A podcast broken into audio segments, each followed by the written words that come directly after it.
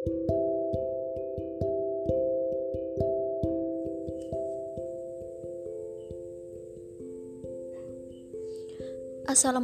warahmatullahi wabarakatuh. Halo semuanya, kembali lagi bersama saya di podcast kedua saya yang berjudul Kesimpulan Perbandingan Pemerintahan Daerah di Negara-negara yang ada di dunia. Uh, jadi ini merupakan podcast kedua sekaligus uh, untuk tugas mata kuliah perbandingan pemerintahan daerah yang diampu oleh Bapak Arif Rahman Hakim. Um, jadi langsung saja ya. Hope you enjoy it guys. Yang pertama itu ada negara Brazil. Sistem pemerintahan di Brazil ialah presidensil Bedanya dengan Indonesia terletak pada bentuk negaranya, di mana Indonesia adalah negara kesatuan dengan bentuk republik, sedangkan Brazil adalah negara federal dengan bentuk republik. Uh, yang kedua itu ada negara Prancis. Prancis menerapkan prinsip desentralisasi dan dekonsentrasi secara bersamaan untuk pelayanan masyarakat yang lebih baik. Um, dahulu itu di Prancis ada aturan bahwa pemerintah harus mengambil sedikit pajak daerah, tapi sekarang semua pajak tersebut dikembalikan kepada daerah atau uh, tidak adanya campur tangan dari pemerintah pusat. Semua pajak tersebut adalah hak dari daerah. Terus tuh ada negara Argentina.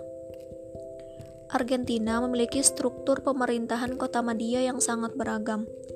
Pemilihan anggota dewan daerah di Argentina sesuai dengan sistem pemilu yang seimbang. E, jadi di negara Argentina ini kurang lebih sama dengan Indonesia di mana pemilihan anggota dewannya itu melalui pemilu atau pemilihan umum.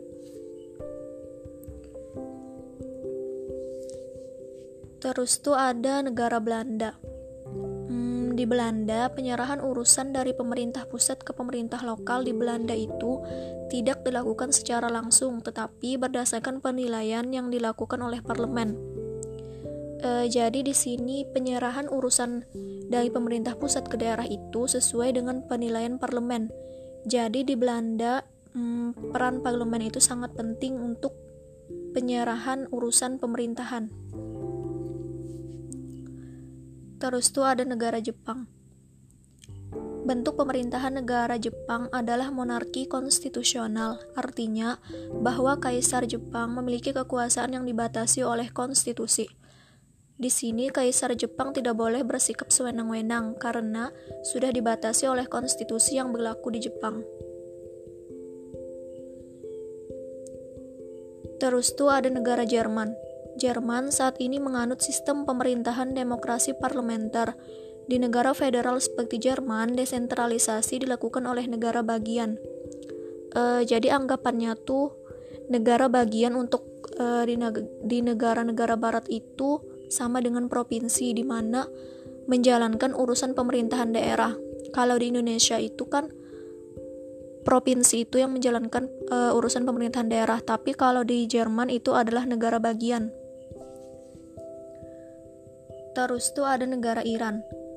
Negara Iran menganut asas sentralisasi, artinya sebuah penyerahan kekuasaan dan juga wewenang pemerintahan secara penuh kepada pemerintah pusat. E, dibanding negara-negara lainnya, negara Iran ini tidak menganut sistem desentralisasi, tetapi sentralisasi atau pemusatan kekuasaan yang mana e, semua urusan pemerintahan itu dilakukan oleh pusat dan tidak ada campur tangan oleh daerah itu di Iran. Terus tuh ada negara India.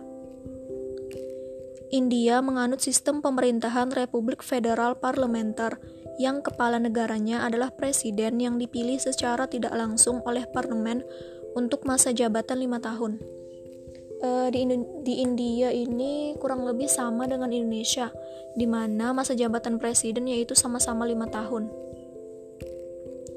e, bedanya di Indonesia itu pemilihan umum dilakukan secara langsung, tapi kalau di India itu tidak secara langsung.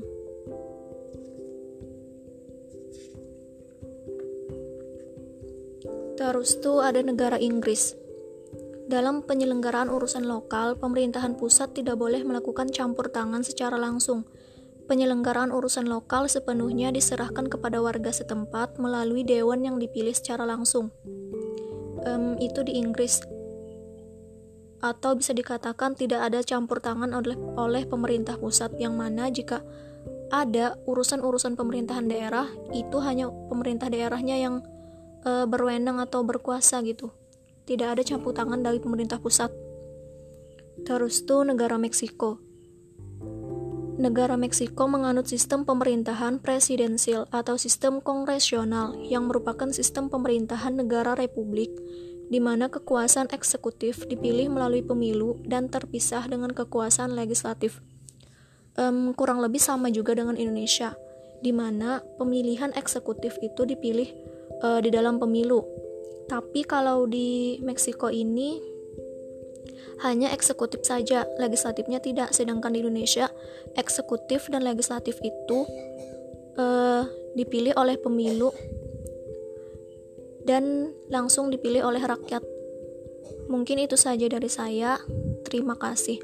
Semoga bermanfaat. Wassalamualaikum warahmatullahi wabarakatuh.